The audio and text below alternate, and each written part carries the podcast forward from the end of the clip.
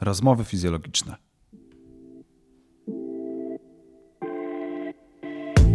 Zapraszam Cię do mojego autorskiego podcastu Rozmowy fizjologiczne. Wraz z moimi gośćmi poruszam w nim przede wszystkim tematykę fizjoterapii, ortopedii i inne ciekawe aspekty związane z szeroko pojętą medycyną. Ekspercka wiedza, przystępny sposób. Zapraszam, Piotr Piaskowski.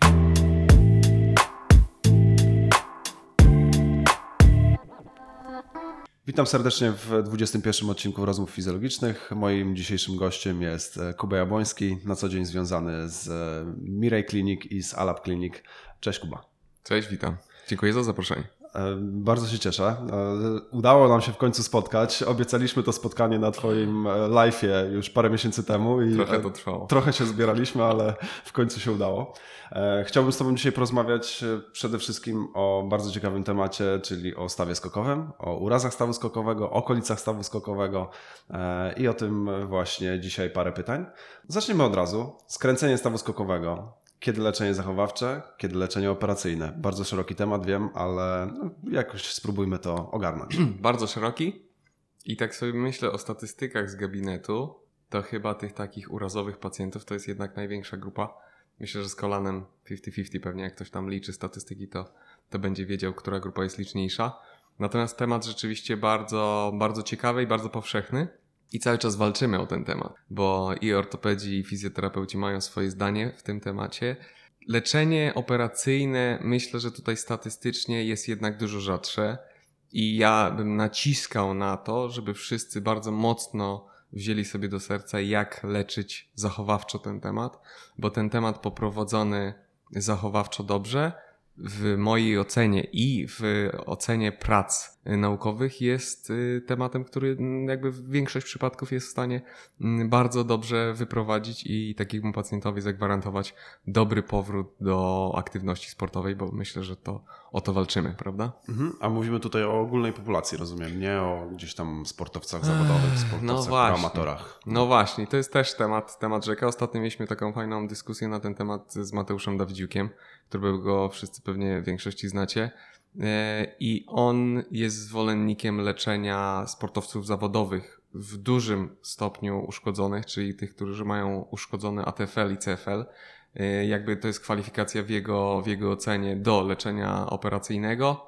Ja byłbym bardziej powściągliwy, nie ze względu na to, że, że to jest zły pomysł, tylko ze względu na to, co odczuwają sportowcy po takim leczeniu operacyjnym ja mam wrażenie, że wszystkich tych ludzi, których widziałem po tych zabiegach rekonstrukcyjnych, to oni jednak odczuwali taki dyskomfort, którego, który jakby do kariery zawodowej jednak no, im przeszkadzał, mówiąc krótko, więc ta odbudowa propiocepcji i to, czy w ogóle ona wróci do tego, co pierwotnie było, jest tematem trudnym, myślę, że do oceny i, i mało kto. To, to nie jest hot topic tak nawet patrząc na to, co, co było na, na ostatnich konferencjach, na których y, byliśmy, to nie jest hot topic. Czyli te skręcenia nie, nie są już tak y, gorące, jak kiedyś były. Mówiło się na ten temat dużo więcej, publikowało du, du, dużo więcej. Wczoraj nawet wrzuciłem w, w PubMed y, prosto slogan ATFL, czy ATFL Reaper i to nie są świeże, świeże rzeczy. Jasne. Więc tutaj Temat jest bardzo trudny dla mnie do oceny jednoznacznej, natomiast ja byłbym za tym, żeby jednak większość i profesjonalnych sportowców, i amatorów, i ludzi z takiej ogólnej populacji jednak leczyć zachowawczo i dopiero w przypadkach przewlekłej niestabilności wtedy wdrażać leczenie operacyjne. Nie widzę na dziś dzień, ja podkreślam, yy, wskazań bezpośrednich do tego, żeby to leczyć od razu pierwotnie yy, operacyjnie. Mówimy oczywiście o uszkodzeniach więzadłowych, w zakresie więzadła y, czy trójgraniastego, czy więzadła y, strzałkowo-skokowego przedniego, czy strzałkowo-piętowego. A jaki widzisz trend wśród swoich kolegów ortopedów, jeśli chodzi o to? Widzisz że trend taki, że faktycznie jest od razu przejście do zabiegu operacyjnego u sportowców zawodowych, czy raczej faktycznie jest takie dosyć duże albo pozytywne podejście do leczenia zachowawczego wśród ortopedów? Myślę, że, myślę, że w ogóle ta nasza relacja, czyli ortofizjo rośnie i myślę, że to też gwarantuje to, że, że większość ludzi jednak zbliża się do tego, żeby leczyć większość tematów zachowawczo tego typu i zaufanie do swojej, swojej ekipy fizjoterapeutów wysokie gwarantuje to, że, że człowiek jest spokojniejszy, że ten staw skokowy będzie wyprowadzony dobrze. I mówię tutaj w mojej ocenie, w mojej ocenie to, to, to gwarantuje sukces, więc ta ciągłość leczenia, czyli to, że pacjent wychodzi z diagnozą od nas z gabinetu, trafia do Was na, na rehab i okazuje się, że to robi robotę. Nie wiem, czy masz podobne spostrzeżenia na ten temat, czy? Właśnie dlatego zapytałem, e, ponieważ trochę śledzę gdzieś tam zawodników, sportowców zawodowych z różnych dziedzin i, czy to NBA, czy to gdzieś tam nawet tenis. Ostatnio Alex Zverev, który gdzieś No, skręcił tak. świeży, świeży case, ale już po dwóch, trzech dniach e, gdzieś nagrywa na social mediach. No właśnie. Ze szpitala po operacji. No wiadomo, oczywiście nie wiemy, co tam dokładnie się zadziało, tak? Otóż Czy tam to, było czy był zerwanie więzadła, czy była gdzieś uszkodzona chrząstka, czy cokolwiek innego, jakieś Otóż to. dodatkowe rzeczy, procedury, które trzeba było zrobić. Ale ja mam też takie doświadczenie wśród sportowców zawodowych. Takie pół na pół, powiem szczerze. W, w, u niektórych tych zawodowców faktycznie po skręceniu stawu skokowego, jeśli to jest tam, nie wiem, drugi stopień skręcenia, no to jak najbardziej tutaj leczenie zachowawcze w, w tym przypadku się sprawdzało.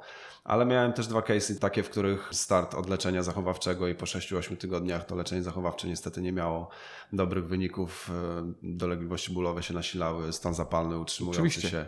Pacjent próbuje wrócić gdzieś tam na kort czy na boisko i, e, i robi się tutaj problem. Tu przy okazji, jeśli jesteśmy przy leczeniu zachowawczym i operacyjnym, no to pytanie, e, jakie procedury operacyjne, na przykład przy zerwaniu ATFL-a, mm, wykonujesz tylko pełną rekonstrukcję, czy na przykład internal bracing też wchodzi u Ciebie w grę? Mm, W ogóle nie lubię sztucznych augmentacji. To tak w kontekście wielu, wielu rzeczy, chociaż MPFL zdarzało się na, na, na taśmie rekonstruować w tych takich przypadkach w miarę, które się kwalifikowały do tego. To już jesteś drugim ortopedą, który, z którym rozmawiam i raczej jest przeciwko. Nie, nie, no jakby sztuczna taśma to jest coś sztucznego, tak? Y, Natomiast też nie, nie, procedury, procedury z wykorzystaniem y, własnych autogenicznych przeszczepów y, przy, przy uszyciu ścięgna, czy, czy półścięgnistego, czy półbłoniastego, to nie są rzeczy, które w mojej ocenie w stawie skokowym są procedurami, które są jednoznaczne. Raczej nauka mówi to, żeby robić tego klasycznego brosztroma modyfikowanego, gdzieś tam tą tkankę przeszywa, czy ze wzmocnieniem jakąś kotwicą. To jest coś, co ewentualnie wchodzi w grę, czy fiksowanie tego na tunelu kostnym e, przy rzuci zwykłej igły, to już pewnie bardziej kosztowo procedury tutaj zależne. Natomiast też były prace, w których mówi, mówiono o tym, że dwie kotwice są lepsze niż jedna. Myślę, że to, ale też nie obiektywnie na dużej populacji sprawdzane. Bo naprawdę wczoraj ten temat przejrzałem tak, żeby sobie troszkę odświeżyć wiedzę i przygotować się do tego naszego spotkania. Trochę z takich prac, które biomechanicznie sprawdzały, natomiast dalej to nie było, to nie była duża populacja.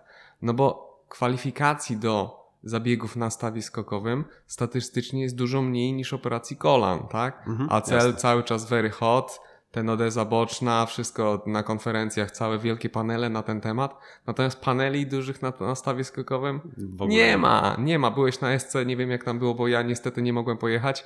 No Natomiast mało tego było. no, no nie ma, więc obiektywnie jest nam trochę ciężko rozmawiać, bo tej wiedzy czysto naukowej i dobrej wiedzy naukowej jest po prostu mało. A badania tylko biomechaniczne na modelach Zgadza się. A z tego, co ja przejrzałem też literaturę, no to widzę, że nie jest też precyzowana rehabilitacja po tych zabiegach operacyjnych. Te Otóż zabiegi to. operacyjne są wykonywane, oczywiście opisywana jest świetnie procedura samej operacji, ale już nie ma sprecyzowania, co się dzieje z tym pacjentem dalej. Dokładnie. Badania są gdzieś tam 6, 9, 12 miesięczne, jak to wygląda.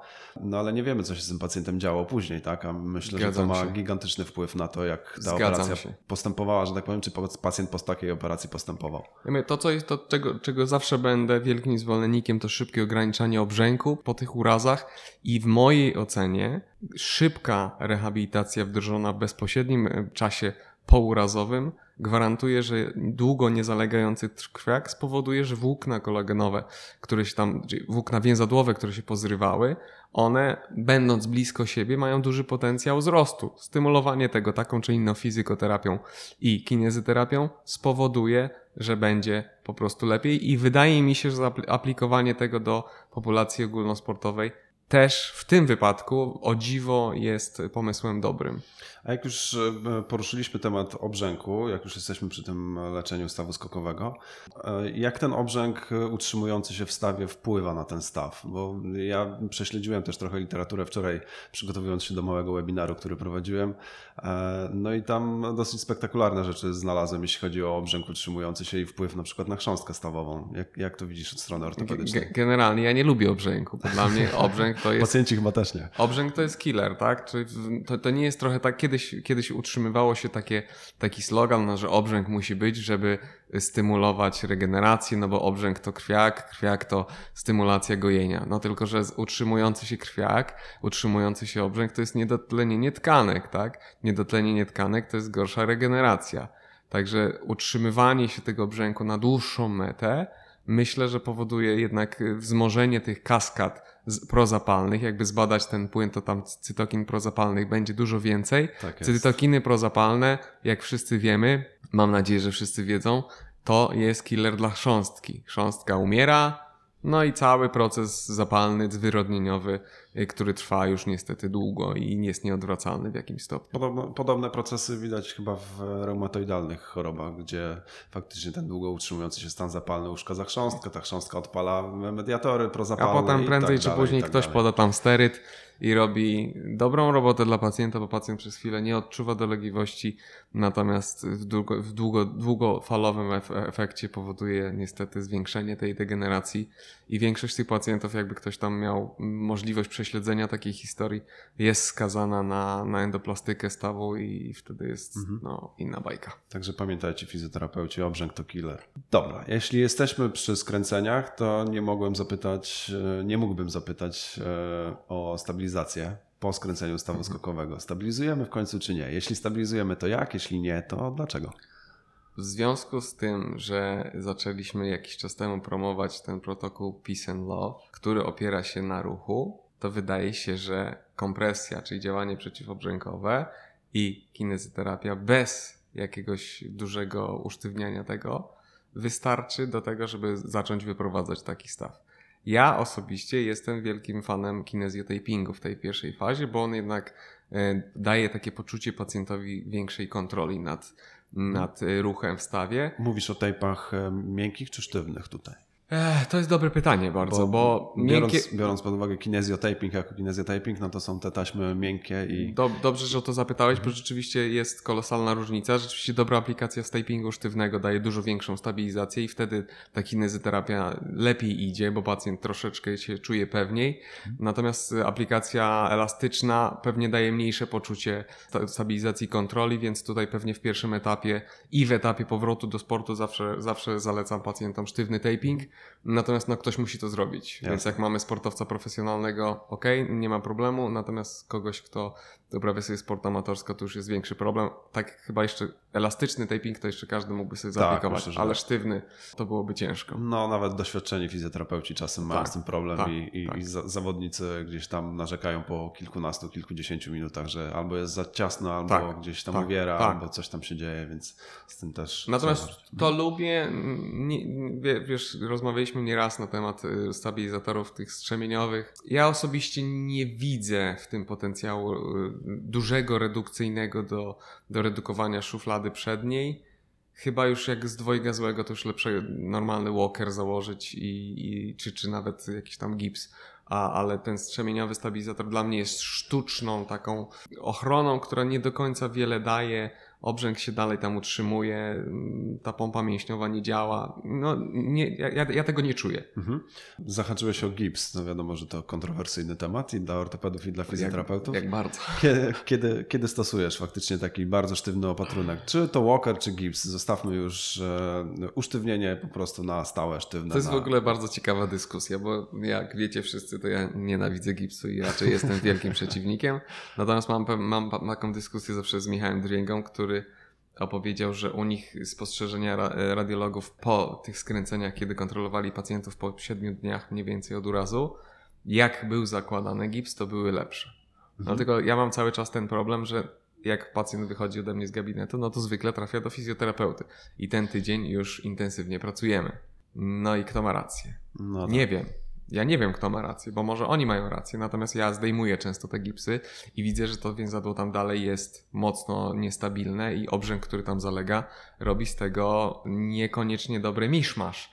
Więc wydaje mi się, że, że jednak współpraca generuje lepsze wyniki. Mhm. Brak tej współpracy, która no, może być y, związana z czystą logistyką, z niczym innym, będzie generowało, ge- generowało potrzebę założenia jakiegoś, jakiegoś usztywienia na, na ten pierwszy okres. Natomiast z punktu widzenia obserwacji tych naszych tutaj wewnątrz, wewnątrz kliniczny, lepszy efekt daje w mojej ocenie intensywna praca od samego początku, która może być niemożliwa do zrealizowania w wielu przypadkach, szczególnie w systemie naszym znanym wszystkim, czyli NFZ-owym, Jasne. gdzie do dostępu do rehabilitacji, do fizjoterapeuty no w krótkim dystansie czasowym nie ma, tak trzeba to powiedzieć. Z mojego takiego doświadczenia fizjoterapeutycznego, nie jest ono jakieś gigantyczne, jeśli chodzi o stawy skokowe, ale paru tych pacjentów miałem. Wydaje mi się, że faktycznie pacjenci, którzy nie mają tego gipsu, mają inną stabilizację, którą my możemy jako fizjoterapeuci zdjąć i zacząć szybciej pracować. E, Jest trochę lepszą opcją funkcjonalną dla pacjenta, ale w długim okresie, gdzieś tam 3-4 miesięcy, to się trochę zaciera.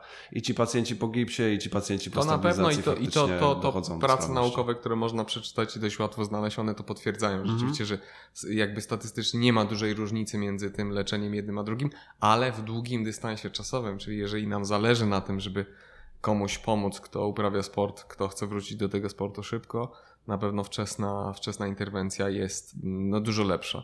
I to też to, wracając do tego tematu operacyjnego, podejrzewam, że czasowo finalnie zgrywa się na podobnym etapie czasowym, natomiast pewnie z przewagą, przewagą wczesnego leczenia zachowawczego jako, jako generatora szybszego powrotu do sportu. Czy w długofalowym efekcie lepiej dla tego pacjenta? Nie wiem. Myślę, Mhm. że ma, za mało jest danych i za mało jest publikacji w tym te- temacie dużych grup, żeby to obiektywnie powiedzieć. Trochę ta nasza rozmowa jest dzisiaj trudna właśnie z tego no względu. tak, to prawda. Spodziewaliśmy się tego, że to nie będzie jakiś bardzo, bardzo usystematyzowana rzecz. O No to to, chodzi. to, to po prostu w, w literaturze nie jest usystematyzowane, Po prostu ale nie. dlatego ch chciałem z Tobą pogadać od strony ortopedycznej, bo my fizjoterapeuci robimy swoją robotę zachowawczą i nie zawsze wiemy, czy, czy nie zawsze jesteśmy pewni, czy to jest na pewno najlepsza droga i może gdzieś tutaj konsensus się znajdzie. Badać, badać i kontrolować. Tu jestem wielkim zwolennikiem ultrasonografii, bo ona w stawie skokowym Ja też. mówi bardzo dużo. Tu dodatkowa diagnostyka absolutnie i to dosyć regularnie. Zerwania TFL. Mamy e, zerwane więzadło strzałkowo-skokowe przednie. Na ile to tak naprawdę w generalnej populacji poważna kontuzja? Nie mówimy tu o sportowcach zawodowych Mhm. już, e, czy proamatorach. I na ile jest to niezbędne więzadło dla stawu skokowego w Twojej opinii? Najczęstsza kontuzja. No, niektóre badania pokazują, że przy każdym skręceniu stawu skokowego zaangażowany jest ATFL. Mm, Z moich obserwacji nie do końca, bo są, są te, niektórzy diagnozują uszkodzenie torby, dla mnie to jest naciągane. Raczej jak jest duży krwiak w stawie, to coś się zerwało, więc jest to albo ATFL, albo ATFL i CFL, albo więzadło trójgraniaste. Mhm. No, to Nie w zależności od inwersyjne, ewersyjne skręcenia oczywiście. E, I najważniejsze, żeby podkreślić, że oprócz ATFL-a, oprócz CFL-a, oprócz więzadła trójgraniastego, jest jeszcze więzadło rozdwojone, które jest bardzo mocno niedoceniane. Ono trochę rzutuje się w uszkodzeniu więzadła e, strzałkowo-skokowego przedniego, natomiast jak zjedziemy troszkę w kciukiem w dół i punkt bólowy jest właśnie tuż poniżej ATFL-a, to jest więzadło, które bardzo często się uszkadza i ono się uszkadza często awulsyjnie. A- Ale wracając do ATFL-a, ATFL goi się w mojej ocenie bardzo, bardzo dobrze, jeżeli jest poprowadzona y, fajnie mm, proces rehabilitacyjny, y, zdejmujemy szybko obrzęk, szuflada przednia jest do wygojenia, tak? Ona pierwotnie może być po, po uszkodzeniu tego więzadła. Uszkodzeń jest no, co najmniej trzy rodzaje, tak? No bo mamy albo oderwanie przy strzałce, albo oderwanie przy kości skokowej, albo takie uszkodzenie śródwięzadłowe. W mojej ocenie te śródwięzadłowe goją się lepiej, Mhm. bo one się goją naprawdę fajnie i, i to, to jeżeli szybciutko zbijemy obrzęk, to te włókna sklejają się, tak mówiąc w cudzysłowie, Zaczynają i, łapać. i, i łapią się i, i bardzo fajnie to wygląda. Trochę gorzej wygląda to w tych dwóch pozostałych przypadkach. Często mm, dodatkowo jeszcze z oderwaniem jakiejś blaszki awulsyjnej i złamaniem. Natomiast generalnie patrząc na ludzi, którzy przychodzą po tych urazach leczonych tak czy inaczej, e, którzy mają niestabilność w badaniu dynamicznym w ultrasonografii, potwierdzonym w ultrasonografii, oni żyją i funkcjonują nieźle. Więc to jest ciekawostka, to jest trochę tak jak z OCL-em, bez którego można żyć, jak się dobrze obuduje mięśniowo. Tak myślę, że jest trochę podobnie z zestawem skokowym i życie bez więzadła y, strzałkowo-skokowego przedniego aktywnego w dynamicznym badaniu jest możliwe. Sytuacja wikła się, jeżeli mamy niestabilność więzadła strzałkowo-piętowego i wtedy rzeczywiście ta niestabilność jest dużo bardziej odczuwalna i ci pacjenci dużo gorzej sobie radzą. Natomiast y, stabilizacja mięśniowa, czyli mięśnie strzałkowe, mięsień piszczelowy tylny, to jest podstawa do tego, żeby pacjenci czuli się w miarę nieźle. W moim działaniu sportowym widziałem zawodników bez ATFL-i, z oderwanymi gigantycznymi fragmentami strzałki, które się nie zgoiły pomimo różnych form leczenia. To jest w ogóle bardzo ciekawe, bo No, zapytałem to już trochę samolubnie, bo ja też nie mam ATFL-a już od no. pf, o, dziesiątek lat, No. myślę. Może dziesiątek przesadziłem, bo mam 35, ale myślę, że z 15 lat na pewno już bez tego ATFL-a. i da się, nie? Tak, i, i maratony z tym biegałem i teraz gdzieś tam pogrywam trochę w tenisa, więc To może jest- nie, bardzo amatorsko i nie z jakąś gigantyczną dynamiką, ale cały czas ja tego stawu skokowego praktycznie nie odczuwam bez ATFL-a, a jest na 100% zerwany, bo to były trzy duże skręcenia stawu skokowego, więc No. myślę, że tam nie było szans na to. No ale też e, faktycznie e, z, z takiego doświadczenia mojego e, zawodowego przy multiwięzadłowych, no to się sprawdza słabo. Przy okazji, jak, jest, jak jesteśmy już przy rozerwaniu ATFL-a, myślę, że warto byłoby poruszyć więzozrost piszczelowo-strzałkowy, jest- rozerwania więzozrostu. Czy my jako fizjoterapeuci jesteśmy w stanie cokolwiek zdziałać tu u pacjentów, jeśli chodzi o leczenie zachowawcze przy rozerwaniu więzozrostu? To jest temat bardzo ważny, chyba nawet ważniejszy niż ATFL. Też no bo jak już stwierdziliśmy, że ten, bez tego ATFL-a da się żyć, natomiast jeżeli mamy pełne uszkodzenie więzozrostu strzałkowo-piszczelowego, to jest bezpośrednie wskazanie do zabiegu operacyjnego. I to jest koniec i kropka. Są częściowe uszkodzenia tego więzozrostu, które w badaniu dynamicznym trzeba bardzo dobrze potwierdzić, że one są w miarę stabilne i tam nie ma o, squeeze test, czyli taki test uciskowy jest dodatni, boli, natomiast wi- widzimy, że widły, widełki stawu skokowego się nie rozchodzą przy obciążeniu, tak? Czyli Mhm. można przełożyć głowicę i kazać pacjentowi stanąć na tej nodze, trochę pokręcić i wtedy widzimy. Natomiast fajnie jest, jakby każdy mógł zobaczyć, jak wygląda rezonans z uszkodzonym więzozrostem. To jest nie do zaakceptowania. To jak się na to patrzy, wczoraj takiego pacjenta operowaliśmy, to się nie, nie zgadza. Człowiek mówi, o nie, to nie jest dobrze. I, i To prawda. sama ultrasonografia nie jest taka idealna tutaj. Natomiast y, uszkodzenie zwizualizowane w rezonansie magnetycznym, zobrazowane, jest, no, wygląda źle po prostu. I to widzimy, że jest konieczność, żeby to, to naprawić. Także więzozrost to jest temat super ważny diagnostycznie, czyli trzeba umieć zdiagnozować to i jak ktoś z Was robi y, y, ultrasonografię, to ważne, żeby ten obraz e, z, umieć zobaczyć i zidentyfikować więzozrost. Czy on jest dobry, to jest dość proste, więc myślę, że warto, żeby każdy gdzieś to miał na uwadze. A przy przewlekłych uszkodzeniach, czyli pacjenci przeciągnięci, którzy nie wiedzieli, że uszkodzili więzozrost, Fatalne. da się coś tutaj zrobić? fatalne wyniki, fatalne rokowania, bo tam się artroza robi duża. No, widełki, czyli kość piszczelowa, która no, jest głównym, główną osią obciążenia naszego organizmu tam w tym dolnym, w dolnej części, no ona nie ma jak się oprzeć na tym mm, bloczku kości skokowej, zjeżdża do przyśrodka. No, to jest, to, jest, to jest fatalne rokowanie, bo najczęściej już niestety są zmiany zwyrodnieniowe po takim okresie. Ten więzozrost jest trudny do tworzenia, trzeba tu jakieś kombinacje operacyjne. Ciężko jest to potem nastawić, bo to nie jest tak, że się zakłada nie, czy śrubę więzozrostową, czy taśmę, która to ściąga. I niestety ten okres jest trudny. Wczoraj operowałem pacjenta po dwóch tygodniach od uszkodzenia. Tak nam się udało logistycznie tą operację wykonać i to było bez problemu do zrobienia. Natomiast tam była jeszcze kostka boc- boczna złamana. Natomiast przeciągnięte przypadki są no, źle rokujące generalnie, a już długo przeciągnięte to już jest w ogóle. Ja miałem Kos- dwóch takich pacjentów na przestrzeni tych 10 powiedzmy lat mojej, mojego doświadczenia zawodowego i, i obaj słabo również rokowali faktycznie niewiele tam się dało zrobić, ale to byli ludzie przeciągnięci o parę, parę paręnaście miesięcy nawet, którzy Dlatego, dlatego ogóle nie podkreślam. Mhm. ten obraz y, ultrasonograficzny, coraz więcej fizjoterapeutów robi diagnostykę ultrasonograficzną, jest kluczowy, żeby to umieć zobaczyć, jak wygląda zdrowy więzozos, jak wygląda chory więzozos.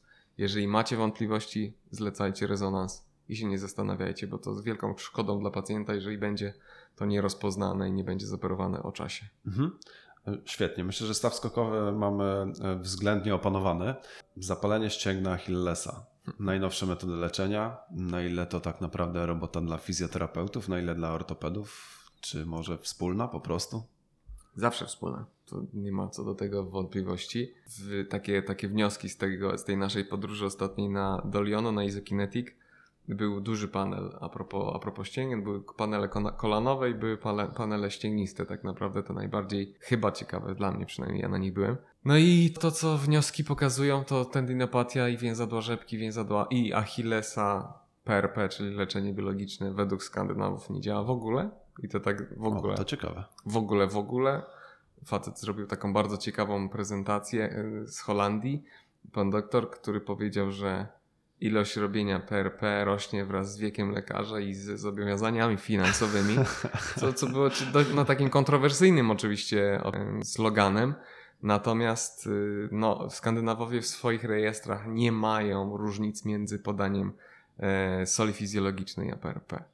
Bardzo ciekawe. To jest, to jest... Bardzo dużo tych, tego PRP się jednak robi w entezopatiach. No nie tylko zresztą więzadła rzepki. Pytanie, czy, czy entezopatie, bo w entezopatii na przykład no, kłykcia tak. bocznego łokciu, czyli łokieć tenisisty słynny, ja nie robię na przykład, ale wiem, że dużo kolegów ma dobre wyniki. Zgadza Rzeczywiście się. tam nauka mówi, nauka mówi, że jest dobrze, natomiast w tych tendinopatiach, które nas najbardziej interesują z punktu widzenia sportowego, niestety jest kiepsko.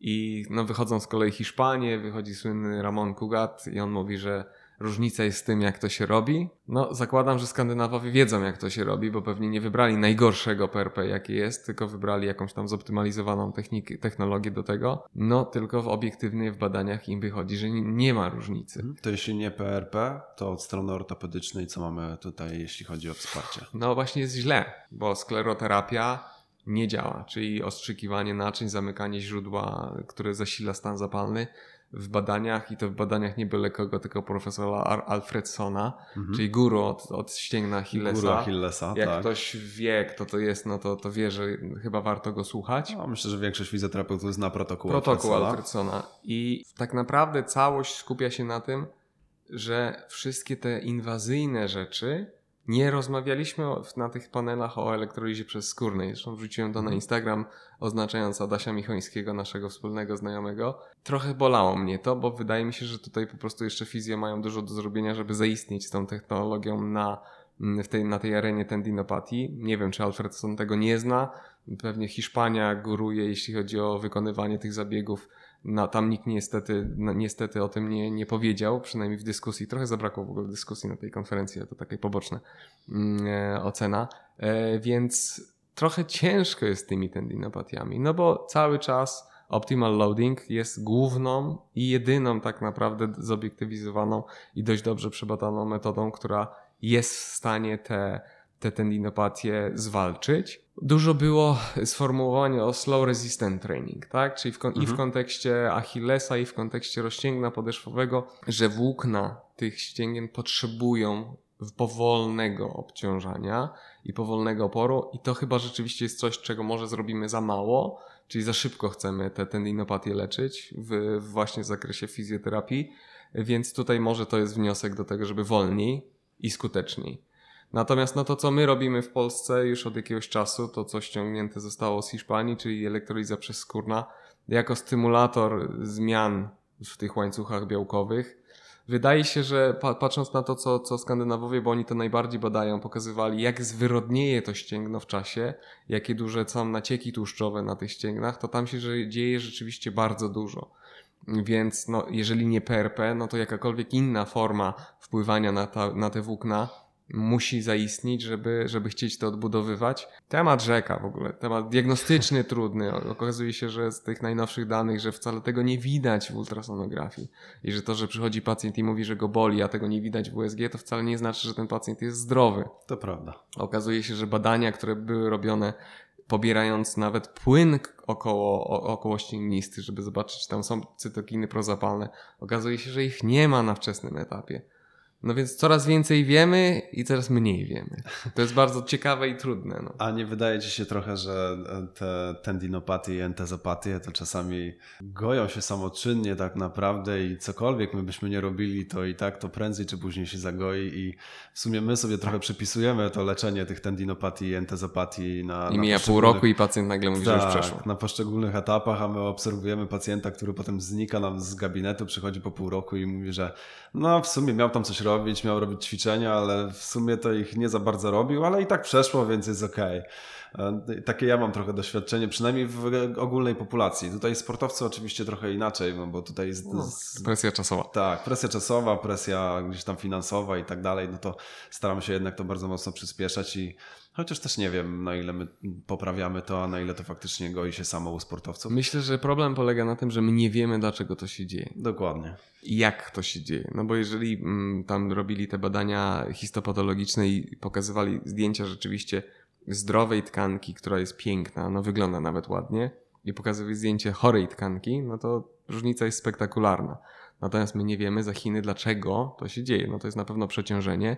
Natomiast jak ono wpływa na tkankę i dlaczego ona przybiera taki kształt, a nie inny, tego nie wiemy. Więc dopóki tego nie odkryjemy, to będzie nam ciężko to leczyć. Bo nie Jasne. będziemy wiedzieć na jakim etapie, czy wbijać igłę, czy wbijać PRP, czy jeszcze coś innego, to nie będziemy wiedzieć dużo i nie będziemy, nie będziemy skuteczni w tym leczeniu. Na pewno ruch jest skuteczny i na pewno trzeba redukować ruchowo pacjentów i wzmacniać poszczególne grupy mięśniowe, które są za to odpowiedzialne w takim czy innym nurcie. Pewnie to, to slow resistance teraz będzie, będzie wiodło prym.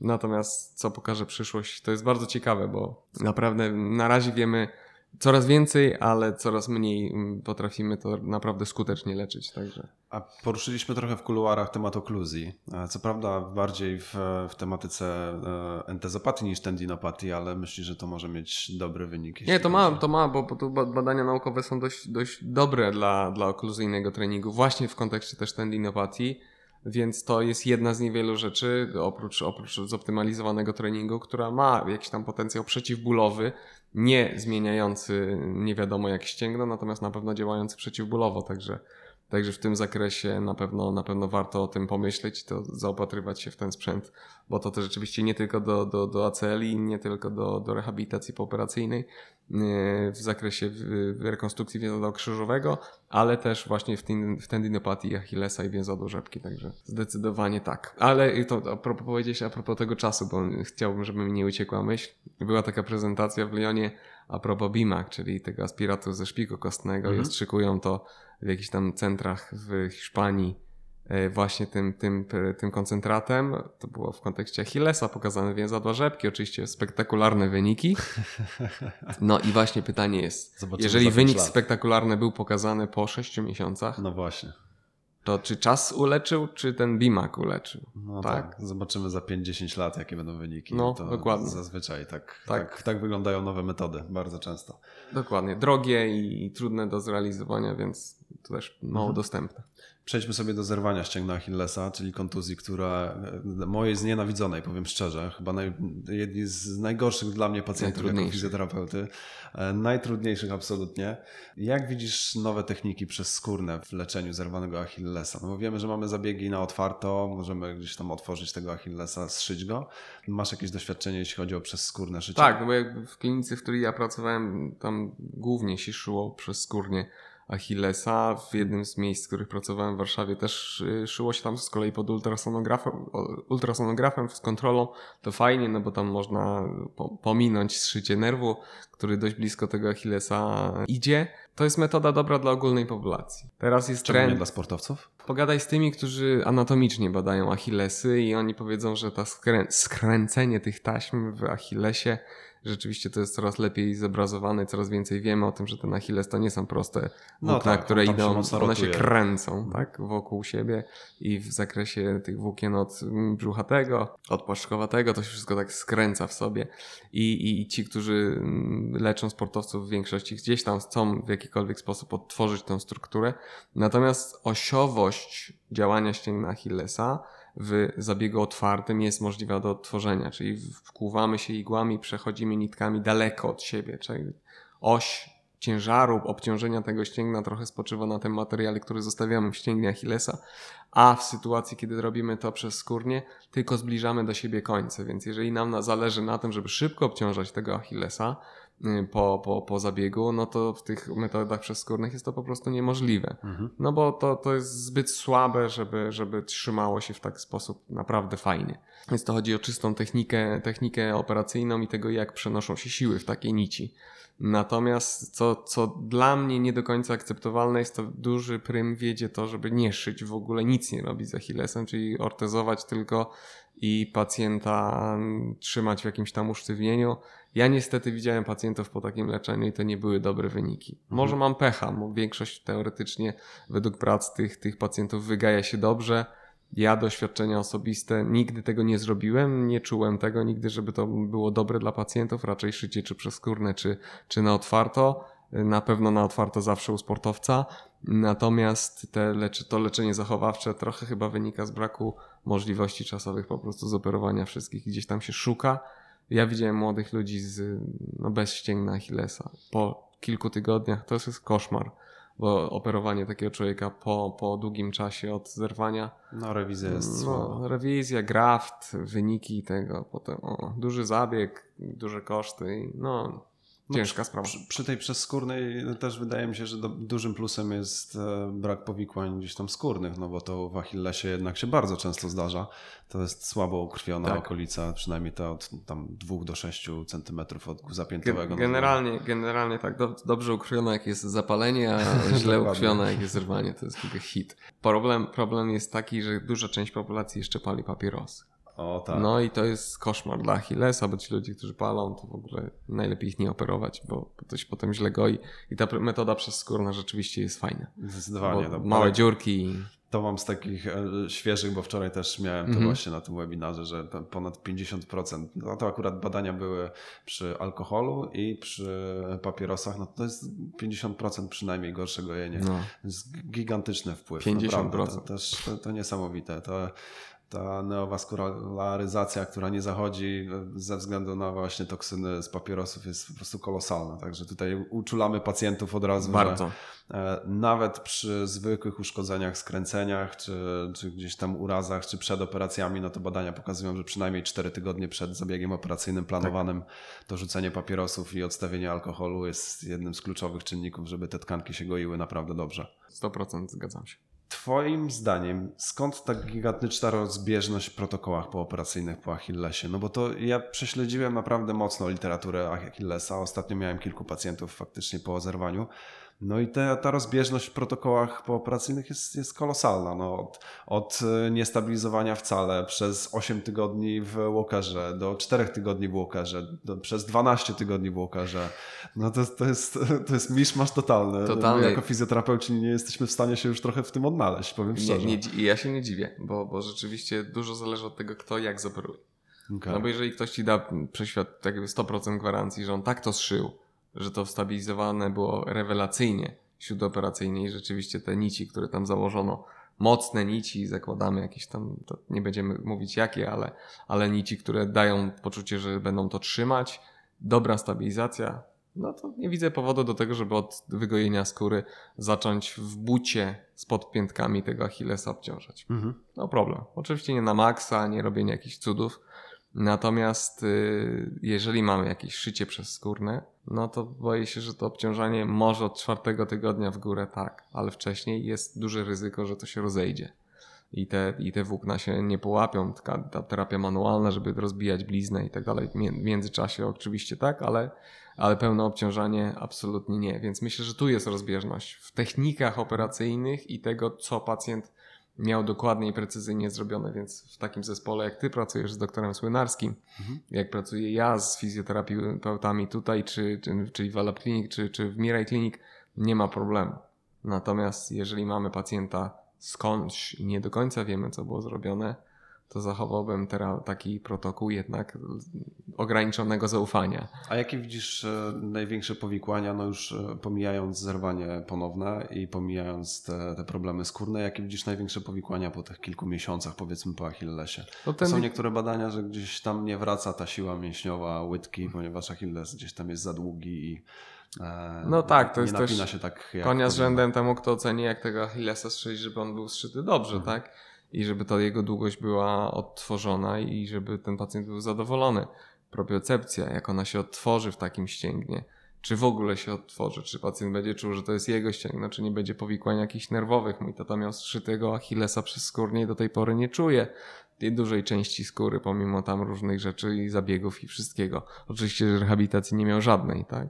No No, żeby nie mieć wątpliwości, bo to, tak, to, tak to mm, jakiś czas temu jeszcze było niestety, że w ogóle świadomość była żadna na temat tych, tych spraw i pole magnetyczne, ultradźwięki były e, jako najwyższa forma fizjoterapii, więc trudno mi powiedzieć na to, co jest najgorsze. Myślę, że i tak najgorsze są te dwie rzeczy, które, o których powiedziałeś. Okej. Natomiast tak to jest z tymi naszymi interwencjami, w ogóle urazami, że pewne rzeczy są nieodwracalne. To czas- czasami mówimy pacjentom, że samo to najgorsze, co nastąpiło, to był moment urazu. Nie jakiegoś tam błędu lekarskiego, nie do końca zoptymalizowanej rehabilitacji, tylko tego, że w ogóle ten uraz się wydarzył. Czy zerwanie ścięgna, czy acela, czy wszystkiego, czegokolwiek. I to jest problem. Teraz wiecie, dlaczego powiedziałem, że to jest znienawidzona przeze mnie kontuzja, bo faktycznie dosyć ciężko się to leczy i, i te wyniki są różne, nawet wyniki u naprawdę sportowców zawodowych. Tak. No, część z tych sportowców zawodowych po tak traumatycznym urazie jak zerwanie Achillesa już po prostu nie wraca do takiego poziomu, w którym Nie na czuję, którym nie byli czuję. wcześniej. To jest dużo, Tak. to jest duża kontuzja, dlatego nie warto ostrzykiwać Achillesów czymś innym niż, znaczy PRP nie, ostrzy, nie ostrzykiwać, bo też nie warto, bo wiemy, że nie do końca działa, ale nie ostrzykiwać żadnymi mieszankami sterydowymi czy innymi, no bo Tak, wpływ na, na strukturę więzadła jest... nie, zrywa się, to się, nie wiem, to, to naprawdę statystyka jest myślę, że bliska, bliska 70-80%, że ten Achilles się zerwie.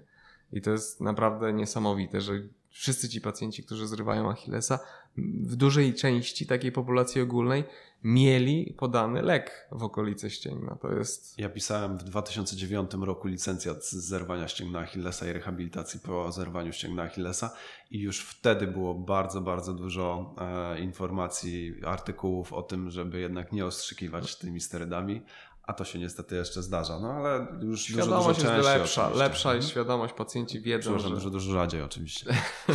Pacjenci wiedzą, że, że, że te blokady słynne to nie jest remedium na wszystko i, i że nie warto. Okej, chciałem jeszcze poruszyć e, temat USG Mhm. wykonywanego przez fizjoterapeutów. No bo jeś- jeśli jesteśmy przy zerwaniu Achillesa, no to wiemy, że to USG jest tam niezbędne do tego, żeby dobrze planować tę rehabilitację i żeby monitorować w ogóle, co z tym Achillesem się dzieje. E, Jak oceniasz skuteczność albo jak oceniasz zasadność używania USG przez fizjoterapeutów? Bo ja jestem trochę, ja wiem, że to dziwnie zabrzmi, ale jestem trochę już, e, wydaje mi się, starą szkołą i mam do tego taki ambiwalentny stosunek. Nie jestem taki w 100% przekonany do tego USG na salach rehabilitacji. Może ze strony ortopedów wygląda to inaczej, może ktoś mnie tam przekona, ale no, na razie jestem nieprzekonany w 100%, może tak. Wiesz co, jeszcze jedno, wrócę jeszcze z jedną rzeczą a propos tego, co mówiliśmy w poprzednim temacie, przepraszam. Mhm, bo mi przypomniała się jedna, jedna dygresja z jednego z wykładów. 100%, bliskie, bliska 100% satysfakcja pacjentów po podaniu kortykosterydów w okolicy Achillesa według prac naukowych. Tak, Efekt osiągnięty. Tak, no była, była prezentacja, która oceniała PRP i inne rzeczy i to chyba nawet ktoś od Alfred, Alfredsona cytował, że super skuteczność, no tylko olbrzymie powikłania. No to tak. też a propos czytania prac naukowych. Trzeba przeczytać, co w tej pracy jest, bo statystyki mówią super efekty. Jak nie, oczywiście w, tym, w tej pracy nie oceniono powikłań. Natomiast kortykosterydy w bólu samym tendinopatycznym działały rewelacyjnie. Natomiast to też a propos, taka dygresja a propos czytania i a propos analizowania. No tak, boli mnie kolano, zróbmy amputację powyżej, też nie będzie bolało, nie? Przynajmniej nie Mniej, kolano. mniej, mniej więcej, nie wiem. No to w tym wypadku można gdzieś tam iść te, z takimi daleko idącymi wnioskami, rzeczywiście tak. Co do, co do USG w praktyce fizjoterapeutów. Jest mała dostępność do dobrej ultrasonografii narządu ruchu w zakresie lekarskiej. Więc ja ja- jakby dopóki krzywa uczenia będzie od zachowania na odpowiedniej pod- poziomie i ktoś zacznie oceniać tę ultrasonografię w fizjoterapii mając odpowiednią wiedzę, jestem w pełni za, bo rzeczywiście jest tego za mało, pacjenci potrzebują tej diagnostyki.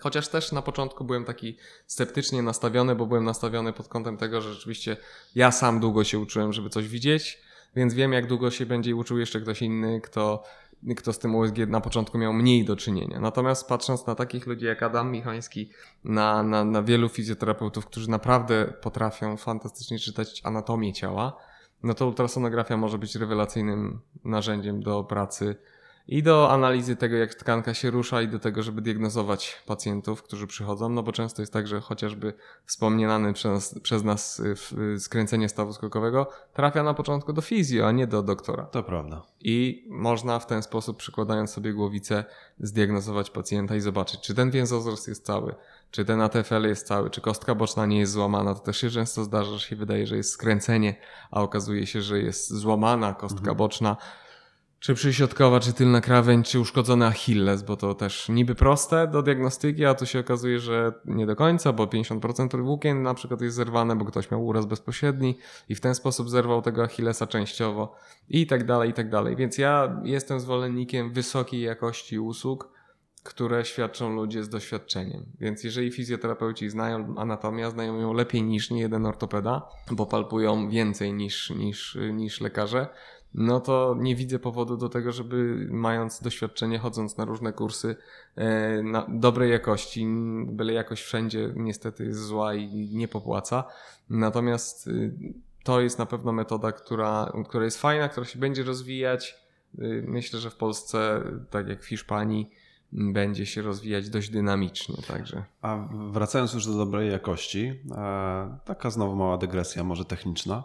Jak oceniasz te mobilne USG? Masz z tym jakiekolwiek doświadczenia? Mam i to też jest tak, ja pracowałem na takim USG, które było transportowalne przez długi czas. Teraz, y, teraz już mamy w gabinecie taki stacjonarny kombajn, który jest, jest y, duży. I, no Potwierdzam, no jest, stoi obok.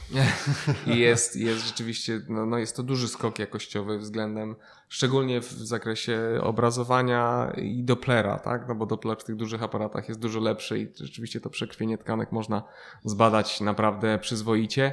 Natomiast te aparaty małe wcale nie są takie złe. To jest mhm. kwestia inwestycji na poziomie no, pewnie powyżej 30 tysięcy, tak żeby już nie było mm, byle jak, ale, ale 40 tysięcy wystarczy do tego, żeby mieć naprawdę przyzwoity aparat. Teraz pewnie ceny trochę wzrosły, więc pewnie może być trochę więcej, ale, ale generalnie to są aparaty, które, które są dobre i są producenci, no w, głównym, w głównej mierze chińscy, ale naprawdę te aparaty nie są, nie są złe i można na, na nich zbudować całkiem niezłą diagnostykę. Mhm, tym bardziej, że myślę, że na potrzeby fizjoterapii, fizjoterapii to absolutnie no, może wystarczające być. Zagłębianie się w jakieś takie rzeczy bardzo, bardzo niewielkie i szukanie takich rzeczy bardzo specyficznych zostawmy radiologom. No jasne, to jest i oni się nas, tym zajmują. Ma być dla nas dodatek do diagnostyki, a nie, nie tak podstawa naszej diagnostyki i działanie takie stricte. Także, także ja jestem za, ale mówię bardzo dużo samokrytyki i, i wtedy jesteśmy w stanie y, dojść do, do, do dobrej diagnostyki. No i trzeba ją potwierdzić potem, no bo jeżeli są wątpliwości, Oczywiście. to czy, czy zrobić rezonans, czy wysłać do kogoś, kto tą diagnostyką zajmuje się od wielu lat i, i robi to na co dzień, także to ja tutaj, jeśli chodzi o, o, staw skokowy, czy to Achillesa, czy, czy skręcenia stawu skokowego, to jestem też taki mocno zachowawczy pod tym względem, że jednak wolę odesłać do ortopedy, który zleca dalej badania diagnostyczne, czy to będzie rezonans, czy, czy USG, czy cokolwiek innego. I sam raczej tutaj nie proponuję pacjentowi, chyba że mam jakąś bardzo, bardzo dużą pewność, że absolutnie będzie to niezbędne, to, to tak, to, to, to proponuję, żeby zrobił jakieś tam konkretne badania, ale, ale warto to jednak skonsultować przynajmniej, nawet jeśli nie wysłać pacjenta do lekarza, tak. to skonsultować to z, z, lekarzem, który oceni, bo czasami jednak przestrzeliwujemy jako fizjoterapeuci z tymi badaniami, które możemy zrobić bez skierowania, a tak naprawdę nie musi pacjent tych badań mieć, żebyśmy coś zdiagnozowali nawet nie my, ale ortopedzi, z którymi gdzieś tam Prawda. będą się dalej konsultować, więc po, po, co po prostu narażać pacjenta na jakieś dodatkowe koszta, jeśli można to sprecyzować wcześniej i, i polecam też się tym zająć. E, świetnie. Mamy tego Achillesa, mamy skręcenie stawu skokowego. Jeszcze jeden problem, który chciałem e, poruszyć, który dosyć często się zdarza, głównie u gdzieś tam sportowców amatorskich i zawodowych, czyli problem rozcięgna podeszwowego jakie mamy możliwości aktualnie leczenia takiego problemu, jeśli chodzi o ortopedię? Piłka do golfa. Rolowanie tutaj. Michał, Michał Dachowski, pozdrawiamy. Tak, tak. Nie, ale właśnie piłka do rolowania jest zła, bo ona jest za duża. No, to jest naprawdę, to, to kiedyś w jakiejś rozmowie Dobra, już to mówiłem, sorry Michał, nie. Nie, sorry Michał. Musi zacząć piłki do golfa sprzedawać. Nie, y, myślę, że piłka do golfa jest mała, twarda i dość prosta do, do, do, do, do dostania. I ona rzeczywiście to rozścięgna, jakbyśmy tak sobie popatrzyli anatomicznie, jak ona wygląda, no to piłka do rolowania no nie wejdzie na, na tą strukturę, tak? Czyli ona No nie tak. rozbije jej, nie rozciągnie, nie, nie, nie zrobi nic tam z niej. Mm, taka, taka piłka, która ma, nie wiem, średnicę 8 cm. Natomiast taka piłka mała, 3-4 cm, już wtedy może coś tam te włókna trochę porozbijać i duża część tych pacjentów takich z generalnej populacji na piłce do golfa jest w stanie te problemy sobie regularnie pracując y, no, rozpracować. Natomiast na pewno optimal loading. No bo rozcięgno nie boli dlatego, że, że samo jest No tak, problematyczne. sa, samo z siebie się nie Łańcuch zapaliło. mięśniowy, który pracuje, czyli mięsień brzuchaty, łydki. Mięśnie krótkie stopy nie mają tutaj według mnie jakiegoś kolosalnego znaczenia. Natomiast stopa wydrążona, stopa z wysokim łukiem jest generalnie stopą problematyczną, więc jeżeli przychodzi do nas pacjent, który ma wysoki łuk i widzimy, że przeciąża piętę i przodostopie, no to szansa na, na łatwe wyleczenie tego rozcięgna wcale nie jest taka duża. Mhm, Rozumiem, że leczenie biologiczne, podobnie jak w, w entezopatiach, tendinopatiach, masz jakieś doświadczenie? Jak, jak, jak działa? Czy Nigdy miałeś nie miałem, pozytywne efekty ni- potem? Nigdy nie miałem jakichś wielkich. Ja mam paru pacjentów ostrzykniętych w geście rozpaczy Okej. osoczem, bo stwierdzałem, że nigdy nie jest to leczenie, które z, za, co, do, co do zasady samo Nie leczenie być. z wyboru. Mm, Nie jest leczeniem z wyboru. Dla mnie jest leczeniem z wyboru jest pierwszorazowo fala uderzeniowa, która w dużej części przypadków pomaga i, fajnie to rozcięgno strukturalnie rozbija. No, tam przekrwienie bierne się po prostu robi i, i pacjent, który jest stłuczony, nie, mó- nie mówiąc na kwaśne jabłko, e, tą falą uderzeniową generuje jakiś tam rodzaj gojenia. Wkładki u tych pacjentów, którzy mają wysokie podbicie, rzeczywiście są pewnym rozwiązaniem, bo wtedy ta relaksacja tego rozcięgna jest całkiem niezła. Rola, rolowanie wspomniane, żeby już tak nie, nie deprecjonować roli Michała w tutaj edukacji społeczeństwa jest, jest też na pewno fajne, bo, bo duża część tych pacjentów rzeczywiście tą łydkę ma mocno spiętą i, i tam to przeciążenie mechaniczne na pewno jest też duże. Natomiast no kortykosterydy, nie wiem, to jest problem taki, że przychodzą pacjenci, którzy się szukają piątego, szóstego, mm, czy fizjo, czy ortopedy No to i się mają, parę mają cztery czasami. iniekcje sterydowe, które nie pomagają. No to Mhm. co do zasady powinna to zwalczyć. Statystyka yy, na pewno w publikacjach jest bardzo dobra. Natomiast to nie jest aż tak groźne jak, jak podawanie tego sterydu w okolicy Achillesa, bo szansa na, na pęknięcie czy rozerwanie rozcięgna jest bardzo niewielka. A dużej grupie populacyjnej rzeczywiście to pomaga. No to jest tanie, tak? Mhm. czyli bardzo dostępne i pacjenci mogą to sobie zafundować. Ja co do zasady nie lubię sterydów, bo, uważam, że to nie na tym nasze leczenie powinno polegać. Raczej powinniśmy stymulować gojenie naturalne, a nie. A No to nie... wiadomo, że to leczenie skutków nie przyczyn tutaj. Myślę, Tak, no ale, ale jest duża grupa pacjentów, która rzeczywiście dostaje jeden strzał i Zgadza jest się. cudowne ozdrowienie i jest Zgadza. super.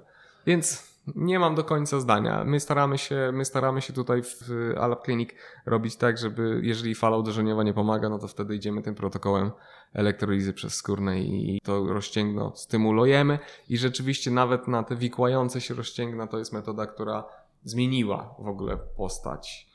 I takie włókniaki, nawet mieliśmy kiedyś pacjentkę po, po wycięciu jakiejś zmiany z rozcięgna podeszwowego, która pooperacyjnie miała bardzo duże dolegliwości i na elektrolizie przezskórnej poszło to bardzo ładnie Mm, i to, ten, to zgrubienie na rozcięgnie się wyeliminowało, nie było go, y, więc tutaj i optimal loading i zawsze ta terapia jest mieszana. Trochę pewnie gdzieś tam nie wiemy, który, które z tych czynników najbardziej działa, natomiast wydaje się, że ta, dla miejsc, miejsce dla elektrolizy przezskórnej jest w medycynie, w naszej dział, działce rehabilitacyjnej się okaże, tak jak Adam ostatnio napisał, co się, co się okaże po 10 latach No tak. na co i czy w ogóle. Trzeba będzie to porównać po, pewnie z zwykłą, zwykłym igłowaniem, czyli wkłuwać igłę pod kontrolą ultrasonografu, zostawić ją, porównać z elektrolizą przezskórną i wtedy będziemy mieli obiektywne dane do tego, żeby, żeby powiedzieć, czy ta metoda jest skuteczna, czy nie. myślę, że jest dla niej miejsce, więc No i ja, ja przez skórną elektrolizę też e, oceniam dobrze. Nie jest to co prawda moje leczenie z wyboru, bo ja zazwyczaj faktycznie zaczynam od tego optimal loading i, i pracy na tkankach. To, co mogę poprawić sam, to staram się poprawić sam, no ale mieliśmy też wspólnych pacjentów, gdzie Tak. gdzieś tam, tam przez skórną elektrolizę włączaliśmy, czy to w entezopatiach, czy w tendinopatiach. E, I to faktycznie fajnie, fajnie wsparło leczenie, więc ja to też. do, dobre wsparcie leczenia, tak, zgadzam się. Chociaż nadal e, wolę wysłać pacjenta do ortopedy niż do fizjoterapeuty na przezskórną elektrolizę. Nie wiem dlaczego, ale może to jest tylko moje gdzieś tam e, ograniczenie. Wiesz O co, nie, tak. może, nie możemy robić wszystkiego, to jest problem nasz. No właśnie, to, to mnie też przekonuje. No jednak jeśli mam e, zaufanego lekarza w, w, w Twojej postaci, który wykonuje to USG bardzo często i, i robi to praktycznie codziennie, a mam fizjoterapeutę, który robi to od święta, no to, to jednak no, ta krzywa nauczania jest długa i wolę jednak. Tak, bo nam, nam, nam w zespole zdarza się dość często kłuć razem, tak? Czyli Mhm. jeżeli mamy coś trudnego, ja wiem, że elektroliza przezskórna jest do zrobienia w jakimś specyficznym rejonie albo w specyficzne miejsce interesuje mnie na, czy na jakaś nadżerka kostna, czy, czy, czy że entezopatia specyficzna, to rzeczywiście pierwszą aplikację robimy razem, potem fizję robią to sami, no bo inaczej się nie nauczymy wszyscy robić, pracować efektywnie. Natomiast rzeczywiście, rzeczywiście krzywa uczenia WSG jest dość długa. Jasne. Bardzo dziękuję Ci za odpowiedzi. Mam jeszcze jedno pytanie. Pytanie, które zawsze zadaję wszystkim moim gościom. E, Na sam koniec. Nie przygotowałem się, ale... Czyli jeśli nie ortopedia, to co? Kim mógłbyś być, jeśli nie zostałbyś lekarzem o specjalizacji ortopedii? Ja chciałem być architektem kiedyś, O, bo mi się podoba w ogóle architektura i, i lubię patrzeć na budynki, lubię zwiedzać, uwielbiam Nowy Jork, więc to, to jest gdzieś tam temat, który nigdy nie miałem jakiegoś wielkiego talentu rysowniczego, więc pewnie to było nierealne. ale nie Natomiast- rozwijałeś nigdy w tym kierunku? Jakiś Jak miałem, nie wiem, zainteresowań? 8-9 lat, to coś tam malowałem, coś wisi w domu e, u moich rodziców do tej pory, ale, ale, ale to nie była jakaś spektakularna e, kariera e, malarska. Natomiast nie, no to, to jest coś, co mnie pasjonowało e, zawsze. Uwielbiam jeść, więc tak jak ty mogę No tak. zwiedzać i, i Gastroturystyka. absolutnie. gastroturystyka, y, uwielbiam podróżować, więc to są rzeczy, które gdzieś tam mnie cieszą. Natomiast chyba ta medycyna to wyszła. Pod względem za- samozadowolenia z tego, co się robi, pracy z ludźmi, to jest coś, co, coś, co daje dużo satysfakcji. Tak jak i fizjo, tak jak i ortopedom, lekarzom, to myślę, że I to, to jest... chyba naj, najważniejsze, bardzo się cieszę. I, w sumie fajnie, bo, bo przynajmniej my jako fizjoterapeuci mamy też e, fajnych ortopedów do współpracy, którzy, którzy gdzieś tam doceniają naszą wspólną pracę e, i zauważają tą fizjoterapię, a to jest bardzo ważne. Nie, myślę, że my wszyscy trzeba to fizjoterapeuci wiemy, że ty to robisz. To takie cukrzenie na sam A. koniec, ale spoko. A przy okazji e, niesamowite jest, jak dziwne i jak niespodziewane są odpowiedzi na to pytanie. Od No. dietetyków, przez mechaników, przez kucharzy do architektów.